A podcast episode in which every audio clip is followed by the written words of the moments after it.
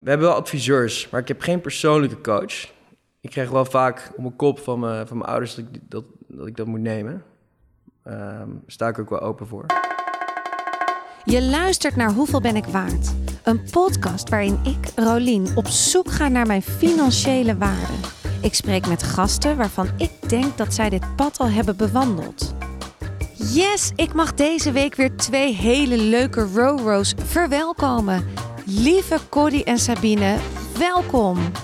En ik heb naast die nieuwe Roro's nog iets heel tofs te vertellen. Ik heb namelijk nog een podcast gemaakt en opgenomen. De Tussenstand. En in de tussenstand vertel ik hoeveel ik mezelf op dit moment waard vind. Maar ook wat ik daadwerkelijk verdien met het podcast en waar ik het aan uitgeef. Dus ben je benieuwd naar mijn eigen harde knaken? Word dan snel net als Sabine en Corrie een Roro. Ga naar www.petje.af slash Rolien en luister exclusief naar 5 vragen en de tussenstand. Dan nu naar de aflevering. Deze week hoor je het indrukwekkende verhaal van Olivier Momma. Bij deze knappe jongen is het eigenlijk best jammer dat ik niet werk met beeld, want deze jongen heeft echt prachtige blauwe ogen. Maar ja, daar zit ik natuurlijk niet voor aan tafel met Olivier. Ik wil alles weten van zijn Kickstartersavontuur. Want op 22-jarige leeftijd begon hij met vrienden een Kickstarter. En dat liep binnen een paar uur totaal uit de hand. Hij runt nu met drie compagnons en behoorlijk wat werknemers over de hele wereld een miljoenenbedrijf. Ik ga gewoon de eerste vraag stellen. Cool. Wanneer wist je voor het eerst wat je waard bent? Eh, even denken. Ik denk, ik denk sowieso de eerste keer dat ik dacht, dit kan wel wat worden, eh, was toen wij het geld van onze eerste Kickstarter-campagne op onze rekening gestort kregen. Dat was wel echt even van, eh, we've got something. Dit gaat wel, dit gaat gewoon knallen. Eh, dus ja, toen, toen kreeg ik gewoon best wel een fors bedrag op onze rekening als 22-jarige pikkies. En daar moesten we wat mee gaan doen. Geen idee hoe dat moest. Dat was wel even, dat was hem wel, denk ik. Ja, want Ja. Olivier, wat doe jij? Wij verkopen eh, everyday carry producten. Eh, producten die je elke dag bijdraagt. eh, en proberen die eh, te moderniseren naar de toekomst. Oké. Ja. En waar moet ik dan aan denken? Ik heb hier nu net een doosje van jou gekregen. Daar Ja. zit een soort. Ik heb het nog niet gezien. Wat, wat is dit? Nou, we zijn eigenlijk begonnen met, met eh, de visie dat, eh, dat, je, dat er heel veel producten zijn eh, die momenteel al tientallen, tientallen jaren niet veranderd zijn, die je dagelijks bijdraagt. Bijvoorbeeld de portemonnee. En eh, die, dat was eigenlijk altijd gewoon die traditionele leren bifold wallet die iedereen heeft. Veel te dik, zit geen tag in, eh, gaat niet mee met de tijd. Nou, wij zijn toen begonnen op Kickstarter met de allereerste traceerbare portemonnee. Meet Exter, the next generation wallet. This ultra slim, trackable wallet comes in two models and four colors. Het is dus een slimme portemonnee met een multi-tracker erin. Deze portemonnee is vooral een groot succes in Amerika. Maar wat was de insteek van deze Kickstarter? Was dat vooral om flink knaken te verdienen? Ik weet niet of het echt om het eh, per se om het geld ging. Wij waren wel eh, al best wel fans van het platform eh, Kickstarter en crowdfunding. En wij waren ook altijd al bezig met, eh, met verschillende ideetjes. En wij, we wisten dat we het zelf beter konden. Dat was vooral het grote probleem. Want je zag, je zag campagnes die miljoenen ophaalden, maar die gewoon echt waardeloos waren uitgevoerd. Dus wij dachten, dit, dit gaan we gewoon zelf doen. Weet je wel, zonder enige ervaring, maar ook gewoon met heel weinig geld gaan we dit opstarten. En we gaan het gewoon zelf proberen en kijken wat we ervan kunnen maken. Eh, en en met, op Kickstarter is het mooie eraan, is je kan gewoon met praktisch niks, kan je echt iets heel groots bouwen. Ja. Maar dan ga je dus naar echt helemaal terug naar de basic. Je gaat dus gewoon naar www.kickstart.nl.com Ja, en je, je legt je idee voor. ja het is eigenlijk, je, je bouwt een campagne eh, waarmee je de mensen wil overtuigen dat het product wat jij gaat ontwikkelen een succes wordt. En zij kopen het product voordat het geproduceerd is. Ja. Dus jij, eh, je, je verkoopt het al aan de mensen voordat het überhaupt bestaat. En dan moet je daarna moet je de mallen gaan maken, moet je naar China vliegen, moet je de productie opstarten.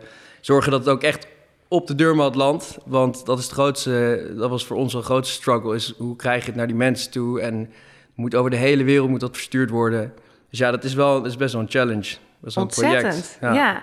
maar dit begon een beetje als een grapje wat je zei. Of tenminste als een idee van, nou, we gaan het gewoon proberen. Ja, we, hadden, we geloofden er sowieso in. Maar het mooie dus aan Kickstarter was nothing to lose, weet je wel. We zijn 22, eh 0 euro op de rekening. Allemaal dikke leningen, stufie, alles. En eh, we gaan het gewoon doen en kijken wat er gebeurt. En je zette het erop. En je had die campagne bedacht. Ja, En jullie zetten hem online. En je zit achter je laptop. ja. En er gebeurt nog niks het eerste uur. Nou, dat, dat was juist mooi. Het eerste uur ging helemaal los. Het ging juist, de, eer- de eerste vijf uur ging helemaal los. Toen waren we al meteen op ons, eh, dat doel, dat wilden bereiken. En eh, toen werden we wakker de volgende dag en schrok ons gewoon helemaal kapot. Het was gewoon viral gaan in de US. En dat ging 40 dagen lang, ging dat gewoon als een raket. En op een gegeven moment eh, hadden we 3,5 ton in ons zak, waar we gewoon mee ja, moesten gaan beginnen. Wauw, ja, maar binnen, binnen een maand ongeveer. holy moly. 3,5 ton binnen een maand. En daar bleef het niet bij. De teller ging gewoon door. Maar ja, je hebt de mensen ook wat beloofd. Een portemonnee die slim is. Wat zijn dan je eerste stappen? Wat ga je doen? Nou, dus dat was echt. eh, we, hebben, we hebben echt alle fouten gemaakt die je kan maken. En eh, we, we dachten ook eerst laten we dit lekker in Nederland doen. Mooi voor het verhaal, eh, meer controle, meer sustainable. Eh, betere kwaliteit dachten we ook. Eh, achteraf eh, was China altijd de beste optie geweest. Want de expertise, die, dat, dat ligt gewoon allemaal in China.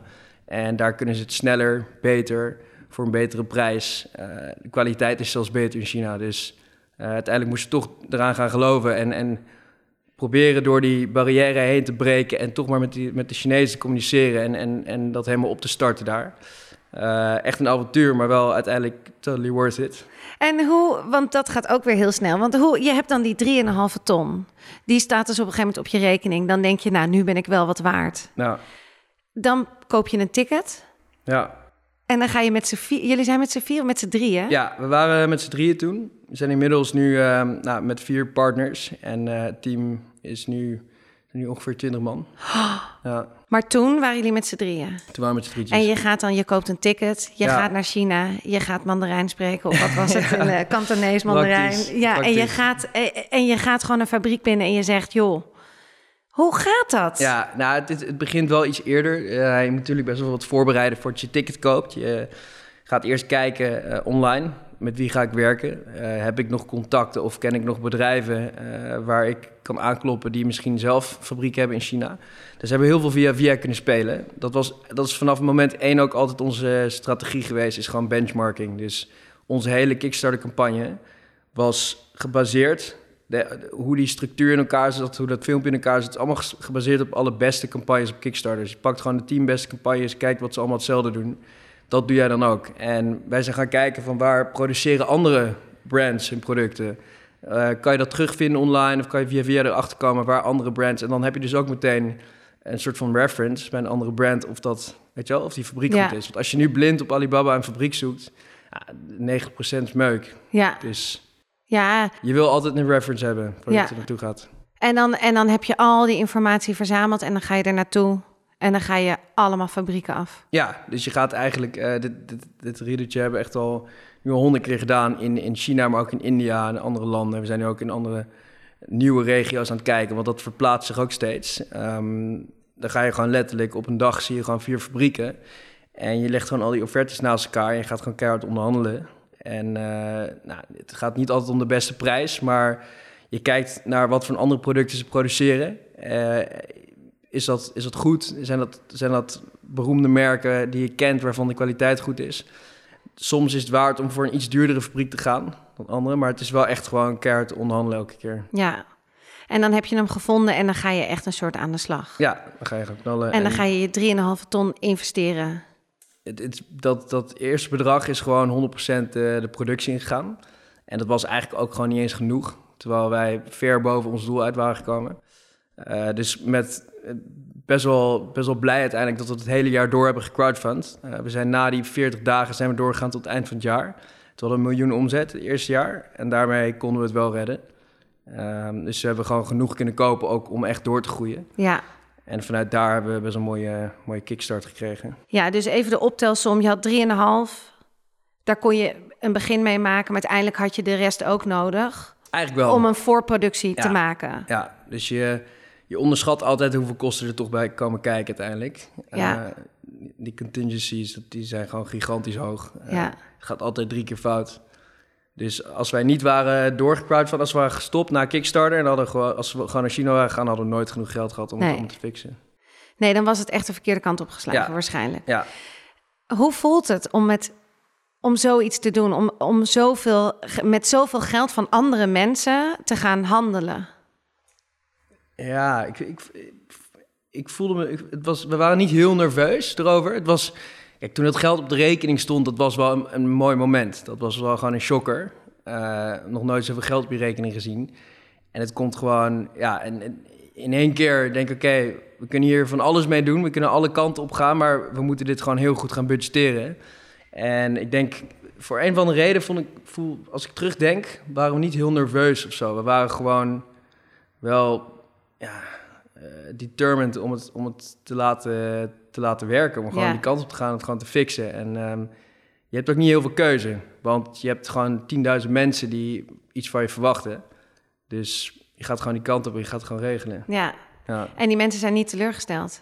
Nee, ja, ik moet zeggen, ons eerste product ben ik niet heel trots op. Maar we hebben wel geleverd wat we beloofd hebben. En ehm, dat is over de jaren heen is dat verbeterd. En nu echt perfect, weet je wel, geperfectioneerd.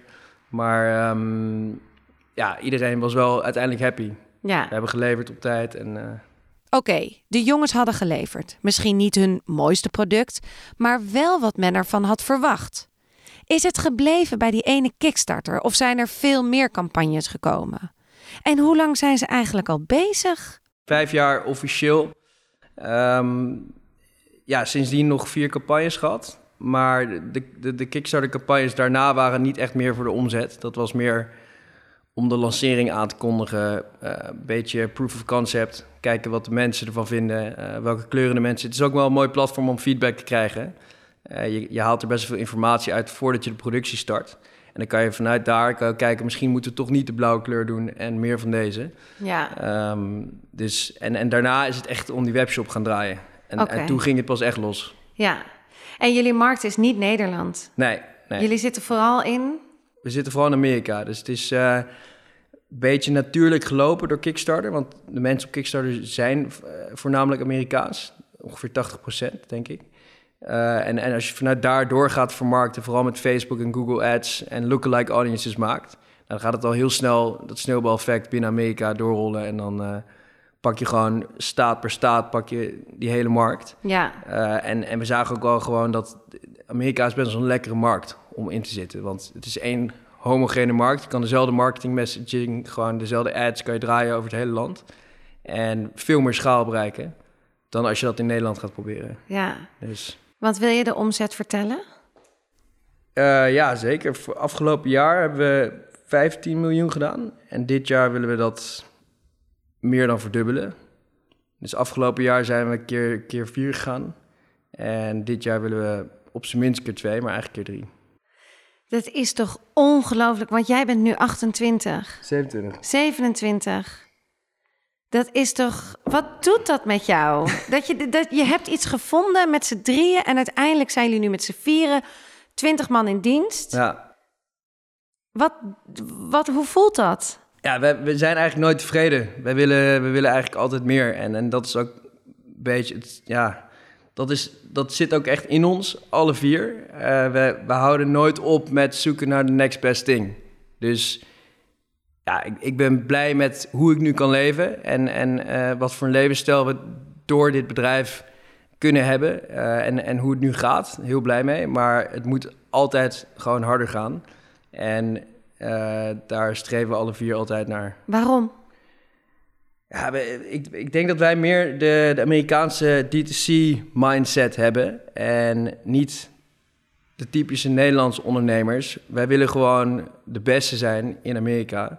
En dat is best wel een grote opgave. En eh, wij kijken ook echt alleen maar naar hele grote bedrijven als, als benchmark. Dus wij pakken echt gewoon weet je wel, de grootste, eh, de, de, de unicorns en de, de coolste D2C-brands die in San Francisco zitten. Hoe hebben zij het gedaan? Zo gaan wij het ook doen. En, ehm, en proberen op die manier gewoon exponentieel te groeien. Hoe ga je om met stress? Uh, Ik zou dit namelijk gewoon echt niet aankunnen. Ik bedoel, ja, je moet financiële waarde kunnen dragen. ja. Je moet veel geld kunnen dragen. Ik zou dat gewoon, dat, dat, die bedragen die jij noemt, die zou ik gewoon niet kunnen dragen. Hoe draag jij dit? Ja, het- het, voelt niet als dragen. Ja, ik weet niet. Het is meer. Het is. eh, Het staat misschien ook niet letterlijk op jouw rekening. Nee, ja, het- het is, het is meer dat je.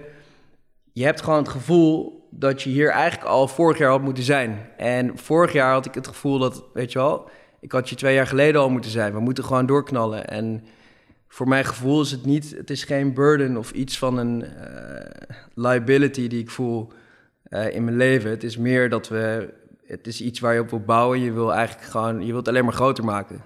Het moet gewoon een empire worden. En dat, sowieso kijken we ernaar. Ja, ik zie het eigenlijk niet, ik zie niet als last of ik ben helemaal niet nerveus over dat het, dat, het begint nu wel serieus business te worden, dat is wel waar. Dus op, op eh, ik zou zeggen op de legal front is het op dit moment eh, veel meer bijhouden van je administratie, zorgen dat alles klopt, weet je wel, dat alle wereldwijd alle entities gewoon goed geregistreerd staan. Dat, dat moet allemaal wel een stukje beter. Eh, of dat, dat gaat nu al een stuk beter. Maar ehm, daarnaast, ja, kijk, ik zit vooral aan de sales- en marketingkant. Dus mijn, eh, het is mijn baan om te zorgen dat we gewoon verdubbelen, verdriedubbelen, exponentieel groeien. Eh, dus ik probeer alleen maar te trekken eraan en zorgen dat wij gewoon harder groeien. Tom, die doet alle financiën, dus die mag, die mag Die mag, dit, regelen. die Ja. mag die dingen allemaal uitzoeken. En inderdaad, of het legal is en niet. En, Ja. ja. ja, en de belastingen. Ja, en, eh, precies. oh, maar het lijkt me... Ja, ik, ik vind het knap hoor. Ik, het lijkt mij heel heftig. En, eh, maar ja, het is hem inderdaad ook een mindset. Het is een drive. Je, jij, jullie hebben hem dus echt met z'n vieren. Ja, En die werknemers om die in dienst te hebben, hoe voelt dat?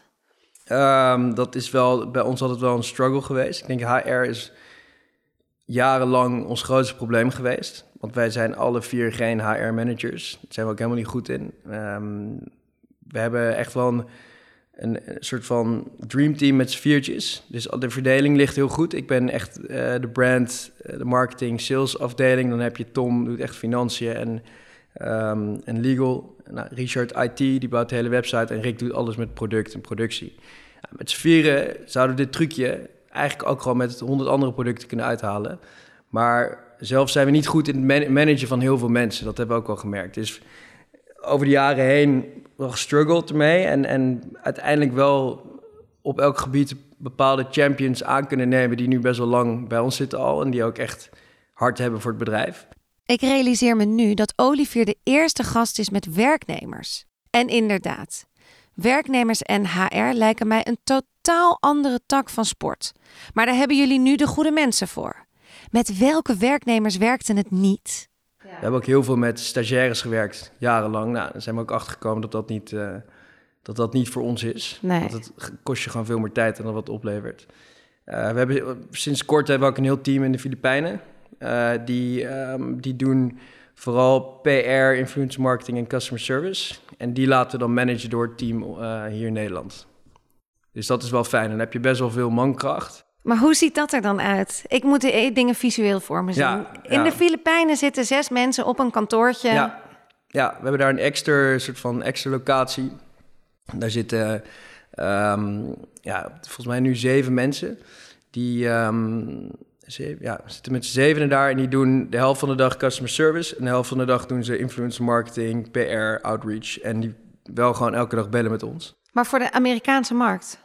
Ja, ja. Hoe doen die dat met tijdsverschil? Die werken s'nachts of zo? Of die, Eh, hoe- nee, dat, is zijn prima toch- te doen. Ja? Ja, die beginnen iets, eh, iets eerder dan wij, soort van voor ons. Eh, die zijn al een paar uur bezig als wij wakker worden. En dat is gewoon prima. En zij kunnen gemanaged worden door mensen hier via Zoom. Ja. Ik noem maar wat. Hè, via of Zoom, whatever. Ja. Ja. En dat doen we wel. Kijk, zodra het weer kan, gaan we met z'n allen daar naartoe. En dan doen we een leuk tripje met, het- met het hele bedrijf. Helaas, sinds, sinds wij dat opgestart hebben, kan dat niet. Maar ehm, zodra het allemaal weer mag, gaan we, de, gaan we die kant op. En we doen wel gewoon leuke team-events. Maar alles gaat toch over Zoom tegenwoordig. Ja. Ja, en dat werkt. Dat blijkt eh, heel goed te werken. Ja. Eh, Zijn jullie allemaal rond de 27? Eh, we zijn met z'n drietjes rond, rond de 27. Hebben we Richard, die is nog wat ouder. Is eh, mid 40. En wat is jullie... jullie hebben ook werknemers die ouder zijn. Ja, Hoe is dat? Ja, ook nooit echt struggles mee gehad. Ehm, het, wordt niet, het wordt niet echt eh, aangekaart of zo. Het is niet iets... Je hebt niet de hiërarchie van jij bent echt de baas en jij bent... We hebben best wel een platte organisatie. Ik bedoel, wij zijn wel heel duidelijk de baas. Alleen, het is niet... We proberen niet heel veel lagen te creëren. En nee. we willen altijd dat alles heel transparant en toegankelijk is. En wij zorgen ook dat er gewoon genoeg touchpoints zijn tussen ons en het hele team. Ja, elke week sowieso met iedereen een face-to-face. Om Ja. te kijken hoe het gaat, of er nog iets, of er nog iets is, eh, of, of ze nog iets te klagen hebben of zo. Dat hebben we wel geleerd. Je moet gewoon zo transparant mogelijk zijn, want anders gaat, gaan de dingen opbouwen en dan eh, komen de irritaties. ja, absoluut. En hoe zit dat eh, met bijvoorbeeld... Jij hebt ook je eigen salaris. Jij Ja. krijgt gewoon een Ja. bedrag. Ja, dat, dat is ook wel het mooie aan, aan ehm, een eigen onderneming, is dat dat kan verschillen met, dat kan per maand zelfs verschillen. Want eh, er zijn tijden dat het echt gigantisch goed gaat. Maar we hebben ook maanden gehad eh, waar er heel veel onzekerheid was. En waar er gewoon minder binnenkwam dan dat we gebudgeteerd hadden. Eh, bijvoorbeeld toen corona net begon, vorig jaar, ongeveer een jaar geleden. Toen was er zoveel onzekerheid dat iedereen heel even twee weken gewoon op zijn portemonnee ging zitten Ja. en niks ging kopen. En iedereen dacht toen, oké, wat gaat er nu gebeuren? Komt er nu een crisis? Eh, wat moeten we doen? Nou, toen hebben wij gewoon gezorgd dat, dat, er, eh, dat al onze subscriptions allemaal... Gewoon bij iedereen gezegd van jongens, eh, we pauzeren alles nu even om te kijken wat gaat gebeuren. Onze eigen salaris ook even gepauzeerd. Terwijl het niet eens per se helemaal inkakt. Maar we hadden geen idee, als, je, als, je, als het over drie maanden inkakt... Je moet wel een runway hebben, dus je moet wel geld hebben om, om te kunnen overleven. Je moet je mensen kunnen blijven betalen. Ja. Dus we hebben onszelf best wel vaak even drie maanden niet uitbetaald. Maar ja, soms komt dat drie, drie dubbel zo hard weer terug. Ja. En eind van het jaar kan je mooi dividend uit, uitkeren. En eh, ja, nu, weet je, nu zitten we allemaal wel lekker. Dus Ja, jij hebt geen slecht salaris. salaris is prima. Ja, We toch? maken altijd grappen dat we nog steeds lege zakken hebben. Maar eh, Daar geloof ik niks het van. gaat, gaat prima. Ja. Ja. Jij wil niet vertellen wat je per maand binnenkrijgt, hè? Nou, nee, hoeft niet specifiek, nee. Maar ehm, Wat was een goede maand? ja, Wat is een slechte maand? sle- slechte maand is gewoon nul. Nou, maar dat is niet meer voorgekomen de laatste paar jaar. Nee, maar we hebben wel gewoon maanden dat we zeggen van laten we even gewoon nu even geen management fee uitkeren. en kijken wat er gebeurt. Eh, kijk, als er nu gewoon echt iets heel extreems gebeurt, of Trump die voert weer de taxes, eh, of die, die- dat deed hij de Ja. afgelopen paar jaar, gooide hij opeens de, de duty taxes gigantisch omhoog. Of, er kan Ja, zomaar dus- iets gebeuren. ja. Dus het dus it's ever changing. En, ehm, en dat is het mooie eraan. Er wordt genoeg verdiend dat je je salaris even op nul kan zetten. Dus ehm, ja, specifieke nummers. Dat is niet. lastig, hè? Ja, Ja, Is ook, ik snap ook. En ook, Ja. je, je bent in die zin nog jong en je zit in een miljoenenbedrijf. Dus dat is ja, best wel... En daar hebben we hem weer. Daar is, daar is gewoon taboe op geld. zeker. En ook een soort schaamte waarschijnlijk van... ik verdien dat wel en, ja, en de ander dus niet. En je wil Ja. ook niet... Dat is ja, heel... ik denk wat eh, wel ook wel een upside is van, van deze situatie en je eigen business is je, je leeft praktisch van je bedrijf. Ik, ik ben gewoon van 9 tot 10 uur s'avonds vaak op kantoor. Eh, ik heb een eh, partner die zit letterlijk zeven dagen per week op kantoor. Nou, dan eet je ook elke dag op kantoor. eh, weet je, je doet alles met elkaar. Je gaat samen golven. Dus alles. Je hebt bijna geen kosten. Dus dat, dat helpt natuurlijk ook weer mee. En eh, ja, als je dan nog mooi bijverdient, dan, eh, Ja, dan is dat allemaal ja heerlijk. Waar geef jij je geld aan uit? Ja, ik hou wel echt gewoon van, van leven. Ik wil wel gewoon, ik kan echt niet een weekend stilzitten. Dus ik reis heel veel. Ik vind het leuk om feestjes te organiseren wanneer het mag. Oké, Olivier, ik hou ook van feestjes. En je hebt mijn nummer, dus ik verwacht een appje als we weer los kunnen. Maar ga door. Golf heel veel, kitesurfen. Gewoon veel sporten, maar veel, veel dingen doen. Gewoon Ja. veel, veel dagtripjes en vooral niet, eh, niet een hele wie- heel weekend op de bank. Maar jij bestelt dan wel een VIP-tafel. Nou, ja, VIP-tafels. Nou, ik ben ook niet echt van de, van de flessen of van de ploerterige gedoe. Maar ik vind het wel ik vind het mooi om eh, met z'n allen naar Bali te gaan en daar eh, te feesten. Maar om, eh, ja, ik ga niet hier in Nederland een VIP-tafel nemen. Nee, dat is niks voor mij. En wat is het gekste wat je wel eens met je geld hebt gedaan? Dat je denkt van, oh, dat was wel echt zo over de top. Maar ja, Ja. het kan. Eh, ja, volle bak ingestapt op de cryptocurrencies. Ja, nou, dat heb je goed geleden. gedaan. Ja, nou, dat was toen. eh, toen zijn we echt met z'n allen volle bak ingestapt. Voor veel te veel geld ook. En Ja. Dat je op een gegeven moment ook helemaal niet meer weet of bijhoudt hoeveel geld je erin gooit, omdat het allemaal zo lekker gaat.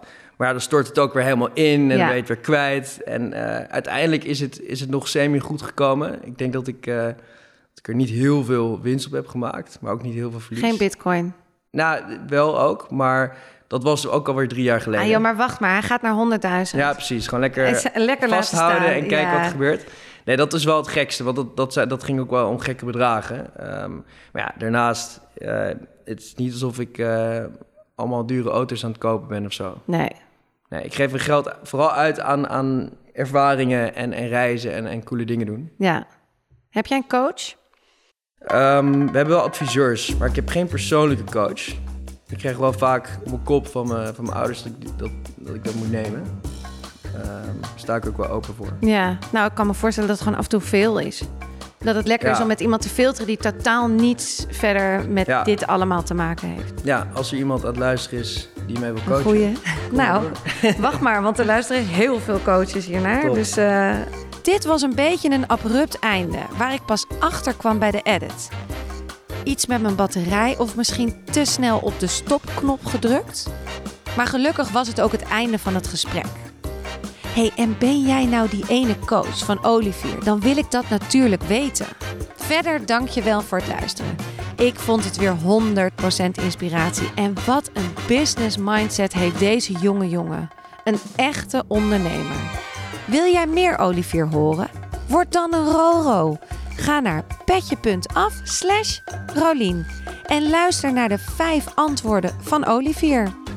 Vond je het leuk of heb je tips? Je kan mij vinden op Instagram. Hoeveel ben ik waard? De podcast. Ook vind ik het leuk als je een recensie of sterretjes achterlaat bij Apple Podcast. En vergeet je natuurlijk niet te abonneren bij Spotify. Tot de volgende!